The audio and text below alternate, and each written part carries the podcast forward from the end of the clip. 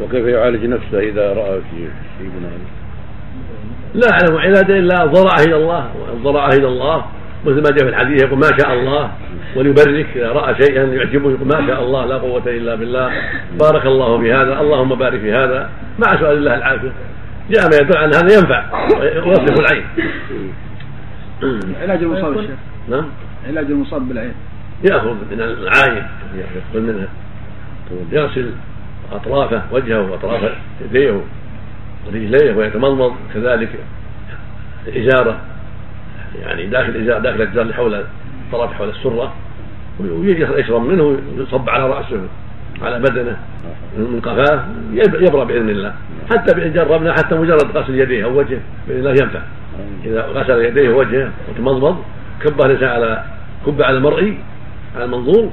يبرى باذن الله هذا اذا عرف يا شيخ إذا- نعم ورد الحديث نعم، ورد اذا الحديث عرف اذا لم يعرف يعني اذا استغسلتم فاغسلوا نعم اذا لم يعرف الحاسد يعني يقرأ القراءه قراءه لا لا رؤيته ولا من عين او همه يقرأ- يقرا عليه يقرا عليه من ايات الله ما تيسر وهو من أس- من اسباب الشفاء ايضا نعم ينقطع يعني اذا مات الحاسد ينقطع ما هذا سمعت الشر. فيه. ما سمعت في هذا يعني عن عن المنظور ما سمعت فيه. هل الشيخ يمكن هذا يق- يشاع عند الناس او مش مشاع عند الناس واما من جهه النصوص ما سمعت فيه. قراءة المعوذات ما- تحميم العين هي من أس- من اسباب من اسباب العافيه قل اعوذ بكلمات الله التامات من شر ما خلق بسم الله الذي لا يضر مع اسمه شيء في الارض ولا في السماء وهو السميع. ثلاث مرات صباحا ثلاث مرات مساء